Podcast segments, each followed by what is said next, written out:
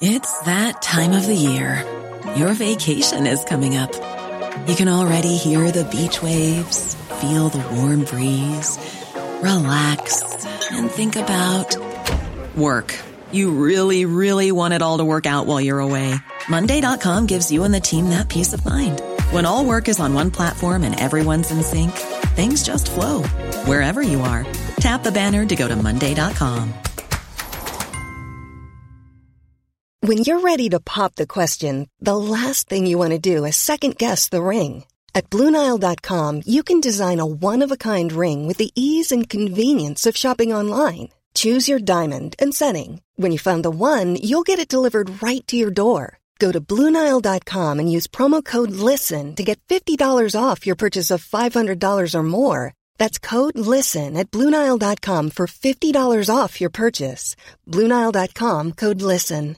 Quality sleep is essential. That's why the Sleep Number Smart Bed is designed for your ever evolving sleep needs. Need a bed that's firmer or softer on either side? Helps you sleep at a comfortable temperature? Sleep Number Smart Beds let you individualize your comfort so you sleep better together. JD Power ranks Sleep Number number 1 in customer satisfaction with mattresses purchased in-store. And now save 40% on the Sleep Number limited edition Smart Bed for a limited time. For JD Power 2023 award information, visit jdpower.com/awards. Only at Sleep Number stores or sleepnumber.com. Palmemordet, Viktor Gunnarsson, Adressboken.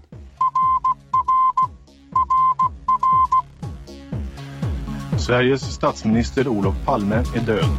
90 000. Ja, det är mord på Sveavägen. Hörde de säger att det är Palme som är skjuten. Mordvapnet med säkerhet är en Smith Wesson, en revolver kaliber .357. Inte ett svar. Finns inte ett svar. För jag har inget. Och jag har inte varit Varför skulle jag Polisen söker en man i 35 till 40-årsåldern med mörkt hår och lång mörk rock. Välkomna till podden Palmemordet som idag görs av mig, Tobias Henriksson på PRS Media. Stort tack till Tobias Jeppsson, lyssnare och Palmenörd, som sammanställt en rapport om adressboken som det här avsnittet bygger på. Vill du sponsra vår podd och se till att vi kan ta oss an stora spår? Gå in på patreon.com palmemodet, alltså p-a-t-r-e-o-n.com och donera en summa som podden får per avsnitt. Och om du driver ett företag och vill annonsera hos oss, skriv ett privat meddelande på facebook.com palmemodet så vidarebefordrar vi det till rätt person. 2018 var ett spännande år för Palmenördar som jag själv. Förutom de böcker och tv-program som vi gick igenom i julavsnittet släpptes även en annan nyhet som inte fick lika stor uppmärksamhet. Journalisten och författaren Anders Leopold beslöt sig för att offentliggöra Viktor Gunnarssons adressbok med cirka 2000 namn och kontakter. Med hjälp av listan, Dan och tidigare nämnda Tobias Jeppsson har vi gått igenom den här listan och det är i sanning mycket märkligt. En liten tillbakablick kan vara på sin plats. När Viktor Gunnarsson förhördes om mordet på Olof Palme gjordes en husrannsakan. Där fann man den här boken med ett stort antal namn och adresser till kända och okända personer över hela världen. Vi ska höra vad Anders Leopold hade att säga om adressböckerna när jag intervjuade honom 2017. Viktor Gunnarsson hade en väldigt omfattande adressbok som hittades när man eh, eh, gjorde husrannsakan i hans lägenhet. Eh, vad var det för personer som fanns i den? Ja, för, för det första, det var ju, han hade en adressbok där han hade väldigt mycket skrivit men han hade ju gjort anteckningar på papper och i, i små block och sånt. Så att det, sammantaget när man gjorde husrannsakan och, och gick igenom detta så satte man ihop alla de här och det var då namn, eh, adresser och telefonnummer i Sverige och i, i många andra länder, framförallt i USA. Vad vi hittade, vi gick igenom några och vad de hittade utredarna först, det var ju faktiskt eh, en jurist i scientologikyrkan i Los Angeles som hade varit i Stockholm och var i Stockholm under perioden när Palme mördades. Och scientologerna har varit inblandade i snacket i alla möjliga olika sammanhang. Va? Och eh, även i, av några ansetts att de var på något sätt låg de bakom mordet på Palme också. Men då talar man om scientologerna kan man lika gärna prata om CIA och den verksamheten för det där går i varandra. Alltså. I adressboken fanns då den här um, scientolog-advokaten. Det var inte så märkligt men vad som var verkligt märkvärdigt var att han hade en adress som ett, eller ett namn som hette Medellin. Och så stod det Enskede och så stod det telefonnummer. Medellin är ju namnet på den stora narkotikakartellen i, i, i Colombia. Och det är ju den, den, stora organisationen i världen nästan som har drivit eh, narkotika. Och att han skriver Medellin där och har en adress i Enskede det var mycket uppseendeväckande. För började, de tog ju reda på genom knarkroten att det var just i Enskede hade de alltså haft flera sådana här tillslag mot, eh, eh, mot knarklangare. Alltså. Så kombinationen här är att det står hans, Medellin står i hans eh, anteckningsbok alltså, och det kopplades just också till att han sysslade med, med narkotika. Jo, sen på i den här så hittar vi då eh, namnet på eh, en av de mest kända brottslingarna i, i Sverige vid den tiden. Eh, TA kan vi kalla honom. Och eh, där hade Börje Wingren det fallet. Det var där han drev det mot honom och eh, så småningom fälldes ju den här mannen för kidnappning och för mord och för narkotikagrejer. Och det står i Gunnarssons katalog. Eh, både namnet och telefonnummer när han var ute. Eh, han var ju, han satt väl inne, jag vet inte om han satt inne vid den här tiden men det fanns i alla fall uppgifter om honom. Plus en del andra människor som var lite tveksamma figurer och, eh, och sen väldigt mycket utländska namn. Vet man hur Viktor Gunnarsson kommit i kontakt med de här? Det är ju ändå ganska ljusskygga personer bitvis. Nej, det vet man väl egentligen inte. Eh, jag tror att Börje hade fått reda på någonting om att den där Axelsson, eller TA då, som han hette, att TA hade haft kontakter och kände till eh, Viktor Gunnarsson. Eh, men i vilket sammanhang det, det framgick inte. Och vi har ju försökt varje gång det har dykt upp nya namn så har jag alltså kollat om jag har alltså förfogar över den här deras sammanställning. Eh, så varje gång det har dykt upp ett nytt namn i Palmeutredningen, oberoende av vad det har varit, så har jag ju checkat om det funnits i Gunnarssons lista. Och, eh, bara vid ett tillfälle tror jag som jag hittade eh, en kombination där. Men jag minns inte riktigt hur det gick till. Men jag letar ju efter de sydafrikanska namnen och det är ju eh, om man hade den förbindelsen så borde ju funnits namn, men det kunde jag inte hitta någonting direkt. Och i det här avsnittet ska vi göra en utflykt över världen och se vilka som fanns i adressboken. Vi ska också tillåta oss att spekulera lite om personen Viktor Gunnarsson och hans resor.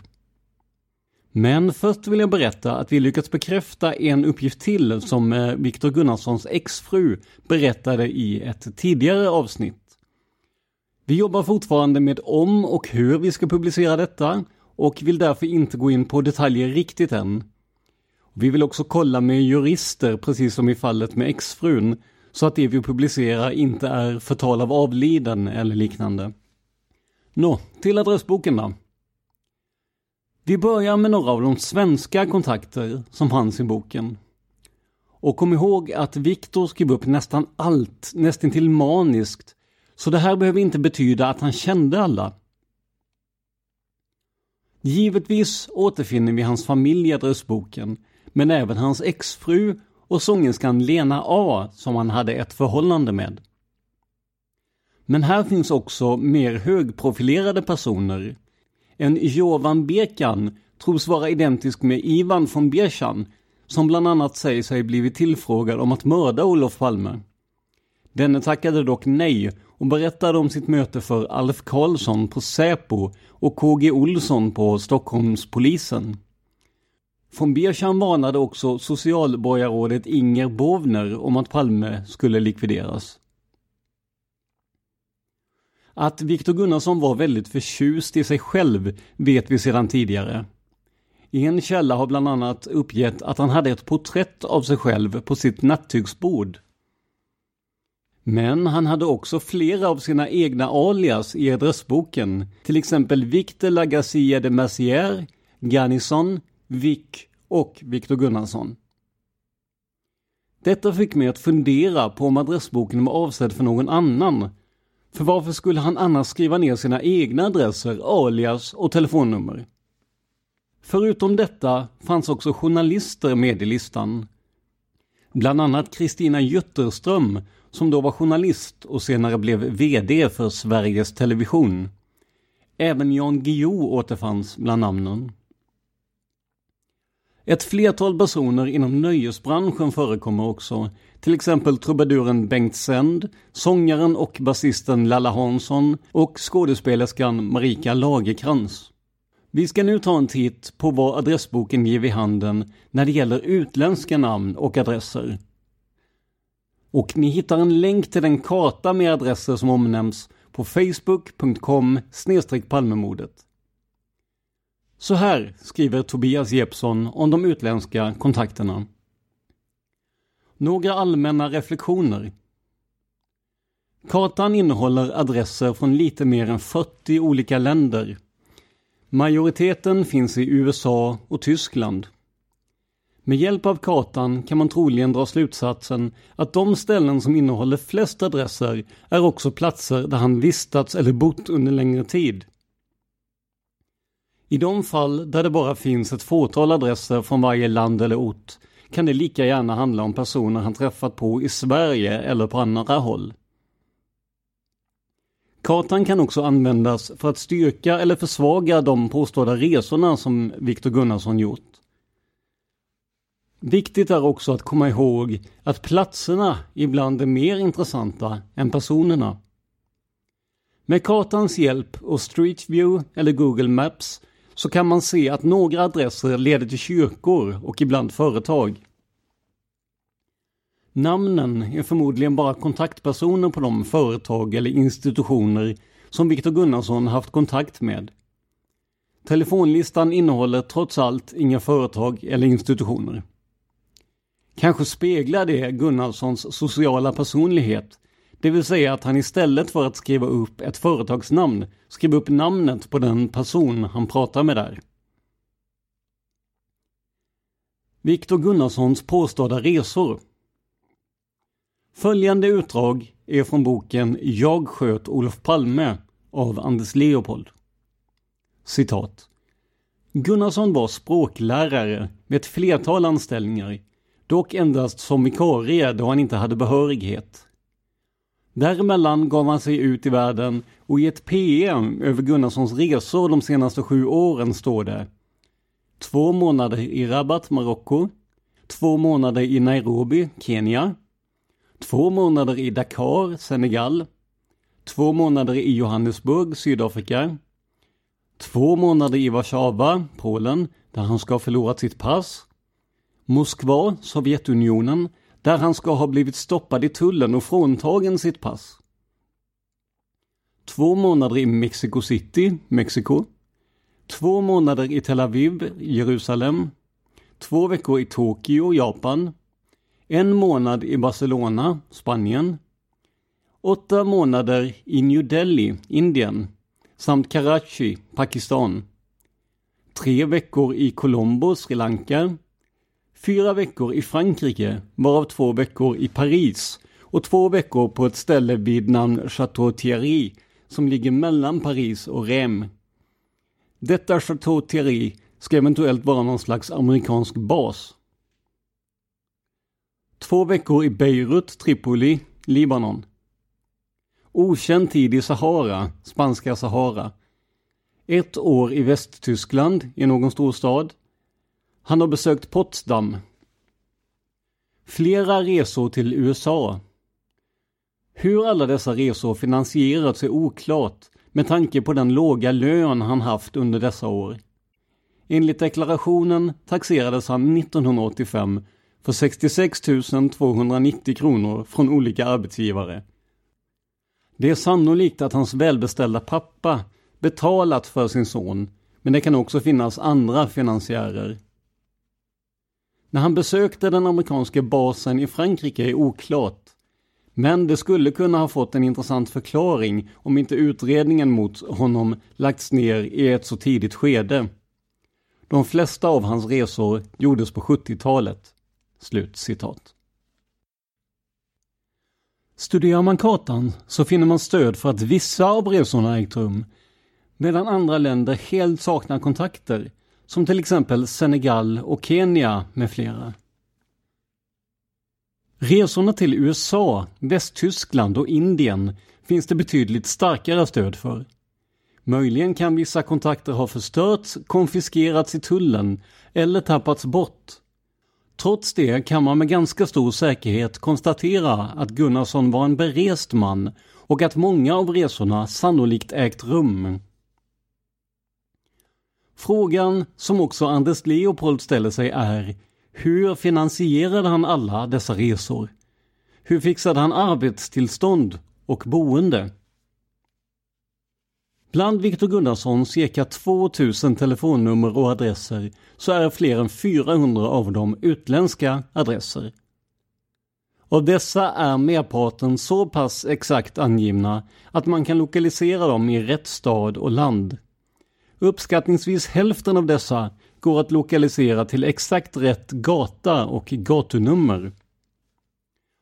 De utländska adresserna är utspridda i cirka 40 olika länder i alla världsdelar.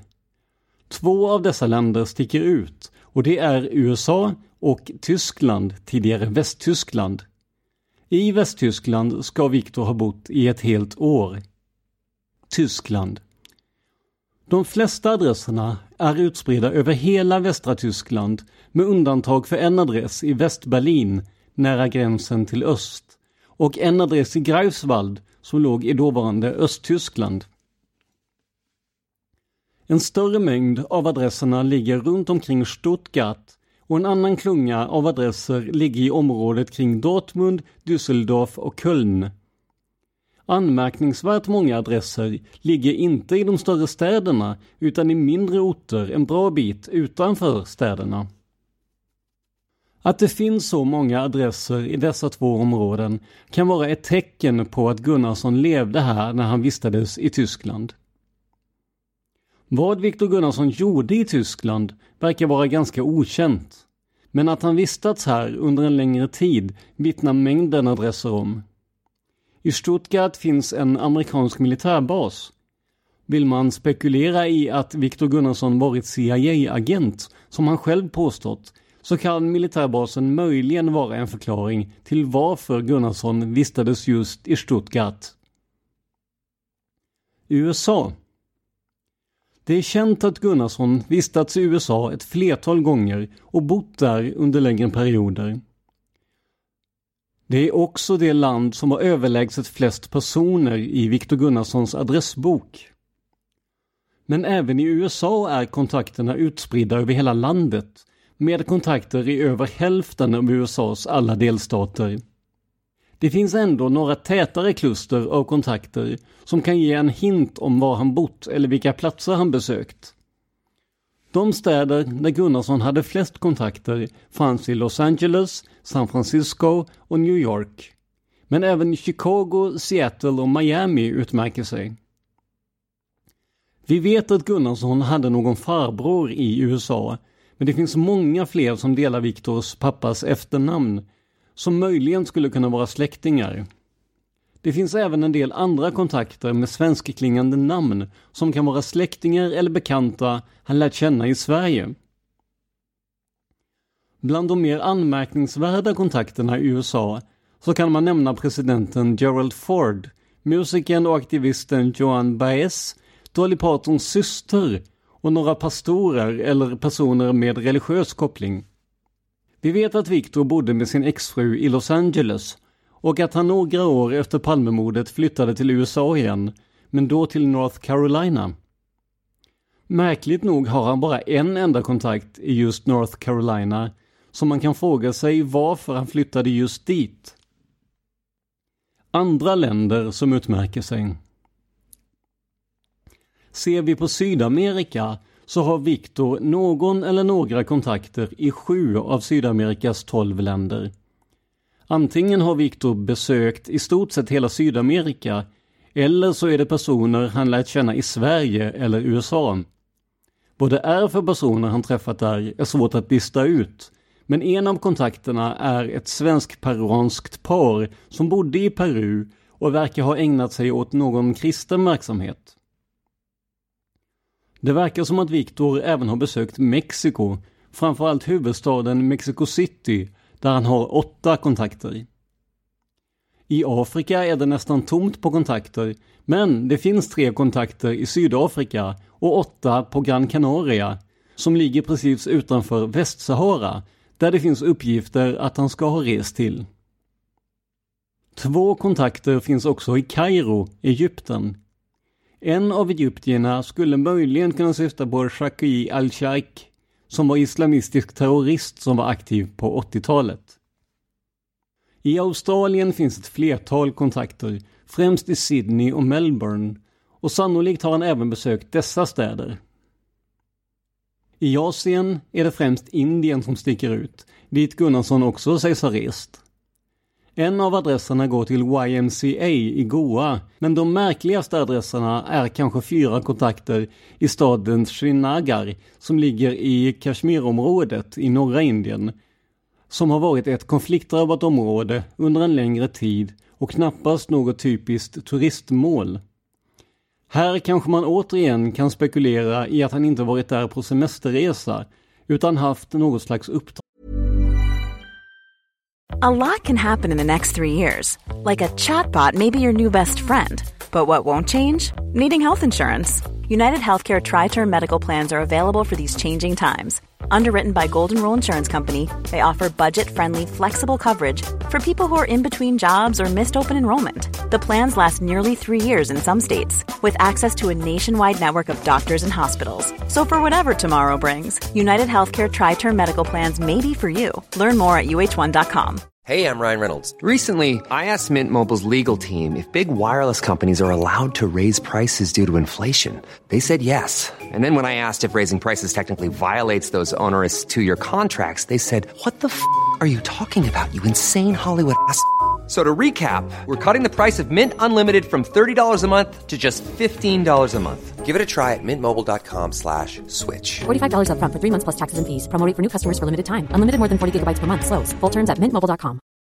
If you're looking for plump lips that last, you need to know about Juvederm lip fillers. With Juvederm Volbella XC and Juvederm Ultra XC, your lip look, whether it's subtle or bold, can last up to one full year with optimal treatment and no additional maintenance. Find a licensed specialist and see if it's right for you at juvederm.com today. That's J U V E D E R M.com. Add fullness to lips in adults over 21 with Juvederm Volbella XC or Juvederm Ultra XC. Do not use if you have severe allergies or a history of severe allergic reactions, or if you're allergic to lidocaine or the proteins used in Juvederm. Tell your doctor if you have a history of scarring or taking medicines that decrease the body's immune response or that can prolong bleeding. Common side effects include injection site redness, swelling, pain, tenderness, firmness, lumps, bumps, bruising, discoloration, or itching. As with all fillers, there's a rare risk of unintentional injection into a blood vessel, which can cause vision abnormalities, blindness, stroke, temporary scabs, or scarring.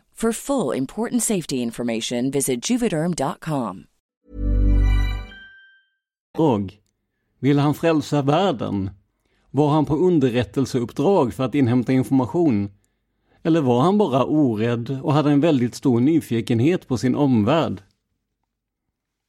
Sist men inte minst så har vi det övriga Europa. Bortsett från de svenska kontakterna som är ett kapitel för sig och de tyska kontakterna som vi redan nämnt så är även England ett land där han hade många kontakter. Här kan man se tre kluster av kontakter där de sydligaste kontakterna är runt London, ett antal kontakter i centrala England runt Manchester och Liverpool Och i norr så finns den största samlingen kontakter i Glasgow. I England hittar vi bland annat en adress till den svenska författarinnan Eivor Martinus som var gift med skådespelaren och regissören Derek Martinus som bland annat gjort några avsnitt av Doctor Who. Kan det ha varit Gunnarssons filmintresse som föranlett denna kontakt? En av de märkligaste kontakterna är kanske den som finns i Portishead utanför Bristol i England. Adressen går till en Alan Down på Western Lodge Farm. Det är en farm som ligger intill ett stort skytteövningsområde där man kan träna skytte av olika slag som heter Weston Lodge Shooting Ground. Men Alan Down är med stor sannolikhet en erfaren trädgårdsmästare som vunnit priser för sina odlingar och har bedrivit odlingar sedan åtminstone 1983. Vad hade en ung svensk kille gemensamt med en trädgårdsmästare? Är det bara en slump att adressen ligger direkt bredvid ett mycket stort område för skytteövningar? Eller hade Gunnarsson något ärende dit och träffade på trädgårdsmästaren där? Eller hyrde han kanske rum hos honom? I resterande Europa kan man nämna att Spanien, Italien och Schweiz innehåller relativt många kontakter. I Spanien är det främst Madrid och Barcelona. I Italien är det Rom och i Schweiz är kontakterna utspridda över hela landet i små orter. Även i Paris finns ett antal kontakter samlade. Som kuriosa kan man nämna att en av kontakterna i Schweiz går till Frau Clay som var en kontaktförmedlare som förmedlade kontakter mellan män och kvinnor. En annan schweizisk kontakt går till en man som är ägare av ett företag som tillverkar textilier som används för rengöring i industrier. En adress går till en man i Österrike, Konrad Lorenz, som var pionjär i studier om djurs beteende. Och en adress tycks gå till en poet, bosatt på Sardinien. På Island hittar vi en kvinna som idag är kommunikationschef för Islands Banki.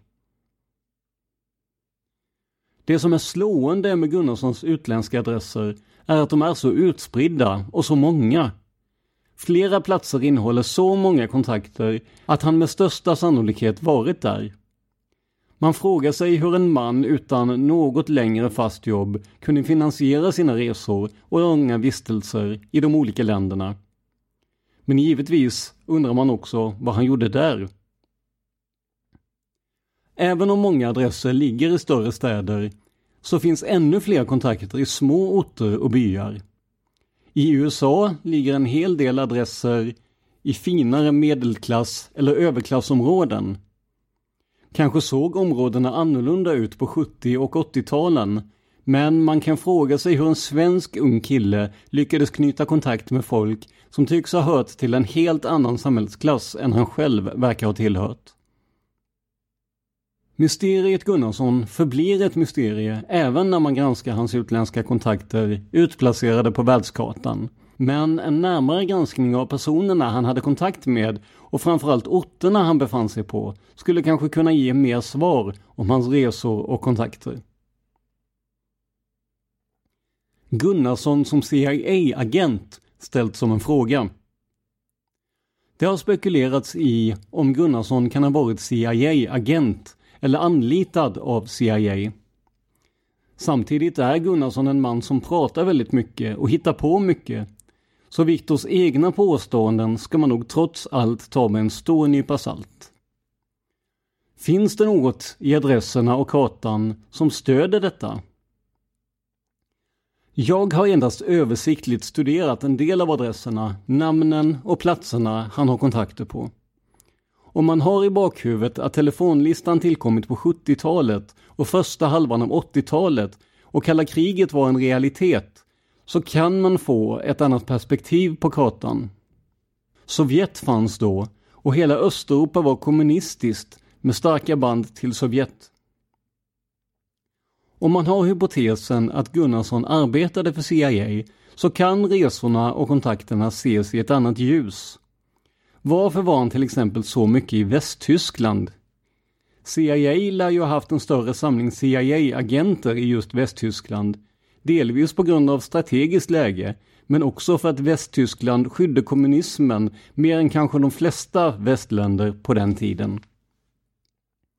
Halva landet hade efter andra världskriget fallit under kommunismens händer med Sovjets starka inflytande. I huvudsak verkar Viktor Gunnarsson uppehållit sig i Stuttgart och trakterna kring Düsseldorf. Kan man hitta kopplingar till CIA eller underrättelseverksamhet i dessa städer så skulle CIA-teorin kunna hetta till. Indien är ett annat land som man kan anta att Viktor Gunnarsson vistats en del i under längre tid. Något anmärkningsvärt är att det finns ett flertal kontakter i Kashmir som varit en omstridd region under längre tid. CIA har haft intresse av att bevaka även denna konflikt. Kan vara av intresse att ta reda på vad Gunnarsson gjorde där eftersom det kanske inte är ett typiskt semesterresmål. Det finns endast ett par kontakter i Malaysia men det kan ändå vara intressant att veta att det under åren 1968 till 1989 pågick en långvarig konflikt mellan kommunistiska styrkor och nationalistiska styrkor i Malaysia. CIA lär ha bevakat även detta. Gunnarsson har även kontakter i de flesta av Sydamerikas länder, varav många har haft kommunistiska regimer eller grupperingar. Det är väl känt att CIA opererade en hel del i de sydamerikanska länderna. För Viktors kontakt på Sri Lanka så står det CIA i telefonlistan. Kan sannolikt syfta på Colombo International Airport eftersom huvudstaden heter Colombo och har en flygplats i området där kontakten finns. Men det är värt att notera att flygplatsen aldrig hetat så, men däremot kallats så i folkmun. Det går att spekulera mycket kring Gunnarssons resor och syften. Men en man som har över 400 kontakter i över 40 olika länder vid 32 års ålder är anmärkningsvärt. Inte mindre underligt blev det när han inte verkar haft någon stadig inkomst eller långvarigt jobb. En tänkbar förklaring till hur han både finansierat sina resor och boende samt en förklaring till det stora antalet kontakter i många olika länder kan vara att han fick olika uppdrag av CIA. Om det handlade om uppdrag i olika länder så skulle det också kunna förklara regelbundenheten i flera av de påstådda resorna. Det vill säga att många av dem varade två månader, som kanske var en standardlängd för vissa typer av underrättelseuppdrag. På hemsidan som vi länkar till på Facebook kan man läsa CIA Protective Agents can expect to complete extensive foreign and or domestic assignments and they are often deployed on overseas mission to support the agency's protective mission. It is typical for protective agents to be deployed for up to two months at a time. Av de adresser som varit exakta så har jag i ett flertal fall tittat på husen, byggnaderna som adresserna hänvisar till. Även om det inte är säkert att det är samma hus idag som 1986 så slog det mig att nästan alla adresser i USA går till villor snarare än till lägenheter. I Tyskland är det nästan tvärtom. De flesta av villorna i USA ser ut att ligga i medelklasskvarter och några ligger i kvarter med ganska stora och pompösa villor. Hur vanligt det var att personer jämnåriga med Gunnarsson bodde i villor i USA kan vara intressant att ta reda på. Men jämför man med svensk demografi så får man lätt känslan av att han främst hade kontakter som var äldre än honom och som kommit upp sig lite i karriären och samhället. Ett intressant undantag till villaadresserna är fem adresser på Manhattan. Man bör fråga sig hur någon arbetslös svensk som är någonstans mellan 20 och 32 år kan ha kontakter i finare villakvarter och på Manhattan. Är det Gunnarssons sociala talang eller hade han kontakter på en högre samhällsnivå som tjänade bra? Och vilka var då dessa? Några platser som kan vara värda att studera närmare är Poughkeepsie som ligger en liten bit norr om New York och är ett samhälle med cirka 32 000 invånare. Fem av Gunnarssons kontakter finns på denna plats. Två av dem har samma efternamn som hans far. Är de möjligen släktingar till Gunnarsson? Varför känner annars Gunnarsson fem personer i denna lilla amerikanska småstad? På Gran Canaria finns åtta kontakter. Om det inte är folk han träffat under en längre semesterresa så skulle det kunna vara en förklaring till varför det saknas kontakter i till exempel Västsahara, det vill säga spanska Sahara, som han påståtts ha varit i. Gran Canaria ligger ju precis intill och skulle kunna ha varit Gunnarssons utgångspunkt för resor till Västsahara och möjligen andra afrikanska länder. För övrigt kan man lägga till Västsahara i listan om underliga resmål då de aldrig varit känt för turism utan snarare kantat av konflikter. Möjligen räknade Gunnarsson Gran Canaria till Västsahara. Tittar man på listan över Gunnarssons påstådda resor så ser man att Australien inte står med. Men på kartan finns 11 kontakter, flera med exakt adress. I listan står det också att han ska ha besökt New Delhi i Indien och Pakistan under åtta månader. Inte en enda kontakt finns i New Delhi, däremot mängder av kontakter i Bombay och andra städer i Indien. Och tiden i Pakistan syftar nog förmodligen mer på det omstridda Kashmirområdet eftersom det inte finns en enda adress i det vanliga Pakistan. Det finns säkerligen mycket mer att upptäcka och reflektera över om man studerar kartan närmare än vad vi hunnit göra.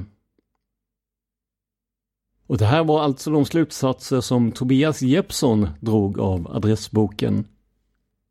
Och säkert finns det, som han säger, många fler namn som är intressanta och i så fall får ni gärna tipsa oss om det. Hela adressboken har delats på Palmerummet av Anders Leopold. Innan vi slutar vill jag tipsa om några andra poddar av Dan som jag tror att ni kommer att gilla. Först ut har vi Seriemördarpodden där Dan berättar om några av de värsta och mest ökända seriemördarna i världen. Några är bekanta sedan innan, men i alla fall för mig dök det också upp en hel del nya namn. Den här podden är precis som Palmemordet, helt gratis. Men om du vill höra ännu mer om seriemördare kan du köpa till Seriemördarpodden Premium på podmi.com alltså podme.com. Då får ni tillgång till samtliga avsnitt plus bonusavsnitt för det facila priset av 29 kronor i månaden om du tecknar dig via hemsidan podmi.com du kan sedan lyssna på avsnitten i din telefon eller dator precis som vanligt. Beställer du via podme appen tar Google och Apple provision och det blir då en tia dyrare per månad för dig. En annan premiumpodd av Dan är Massmördarpodden som är systerpodd till Seriemördarpodden. Här tar Dan upp lösta och olösta massmördarfall och jag kan garantera att det är minst lika spännande som seriemördarna i tidigare nämnda podd. Massmördarpodden kostar 19 kronor i månaden och finns även den på podme.com. Till sist har vi en liten annorlunda podd som Dan gör tillsammans med Josefin Molén. Den heter Mördarpodden och tar upp mordfall och mystiska försvinnanden. Den har precis tjuvstartat och finns på Youtube och Mördarpoddens Patreon-sida. Bara sök på Mördarpodden för att hitta dem eller gå in på facebook.com mordarpodden. På initiativ av Josefin har vi även något vi kallar Fredagsrys på Mördarpoddens Facebook-sida. Det evenemanget riktar sig till lyssnare på alla Dans poddar. Här lägger vi varje fredagkväll upp lite lättsammare inlägg. Det kan till exempel vara Finn fem fel eller så kallade face swaps där vi bytt ut ansiktet på två kända kriminella. Det här draget har varit mycket populärt och ni är hjärtligt välkomna att delta. Då kan ni också höra något som vi kallar Minuter med mord. Det är kända kriminalfall sammanfattade på ett par minuter. Tanken är att många av de fall som tas upp här ska gå att lyssna på i helhet i någon av våra poddar framöver. Så här lät ett av de avsnitt vi gjorde i julas.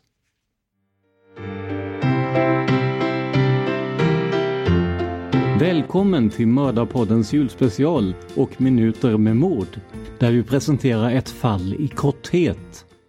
När det här publiceras är det julafton och i år har vi bestämt oss för att finnas med er lyssnare för att roa och hålla er sällskap. Och jag heter Tobias Henriksson och jag driver mitt eget företag PRS Media. Jag är journalist i grunden och eh, har de senaste åren varit Dans kompanjon i podden Palmemordet. Under den tiden har jag producerat ett tjugotal egna avsnitt, men också många tillsammans med Dan. Idag tänkte jag att vi skulle fokusera på ett mord som faktiskt hände precis runt jul. Det var den 25 december 1947 när den italienska ambassadören i Stockholm mördades av en landsman. Men vad var det egentligen som hände? Vi ska, i ett nytt grepp som vi kallar Minuter med mord, försöka bringa ordning i det. Det hela börjar och slutar med Giuseppe Capocci, en italienare som invandrat till Sverige. Hans psykiska hälsa var inte alltid den bästa och 1940 blev han tvångsintagen på Långbro sjukhus efter ett bråk med sina grannar. Men Giuseppe tycker själv att han är frisk och anklagar den italienska legationen i Stockholm för att konspirera mot honom. Efter sju år på Långbro anser läkarna att Giuseppe är frisk nog att få permission över julen 1947. Man ber dock Giuseppes hustru att hålla ett öga på sin man. Detta är ett beslut de senare kommer att få ångra djupt. På juldagens morgon går Giuseppe ut ensam trots hans hustrus protester. Hustrun följer efter honom på håll. Han tar spårvagnen mot Djurgården men stiger snart av. Han beger sig till italienska legationen. Hans hustru konfronterar honom och de bestämmer sig för att gå upp till ambassadören tillsammans.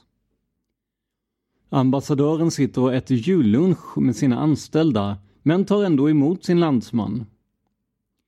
Denne håller ett anförande mot Mussolini och fascismen och uppträder allmänt obalanserat. Efter utläggningen hugger han ambassadören flera gånger med en sax och denne avlider senare på väg till sjukhus. Då det inte råder någon tvekan om vem gärningsmannen var blir Giuseppe Capucci häktad och senare dömd för mord. Han utvisas till Italien där han tillbringar sina sju sista år i livet på sinnessjukhus. Både polisen och den psykiatriska vården fick stark kritik mot att man släppt Giuseppe fri över julen.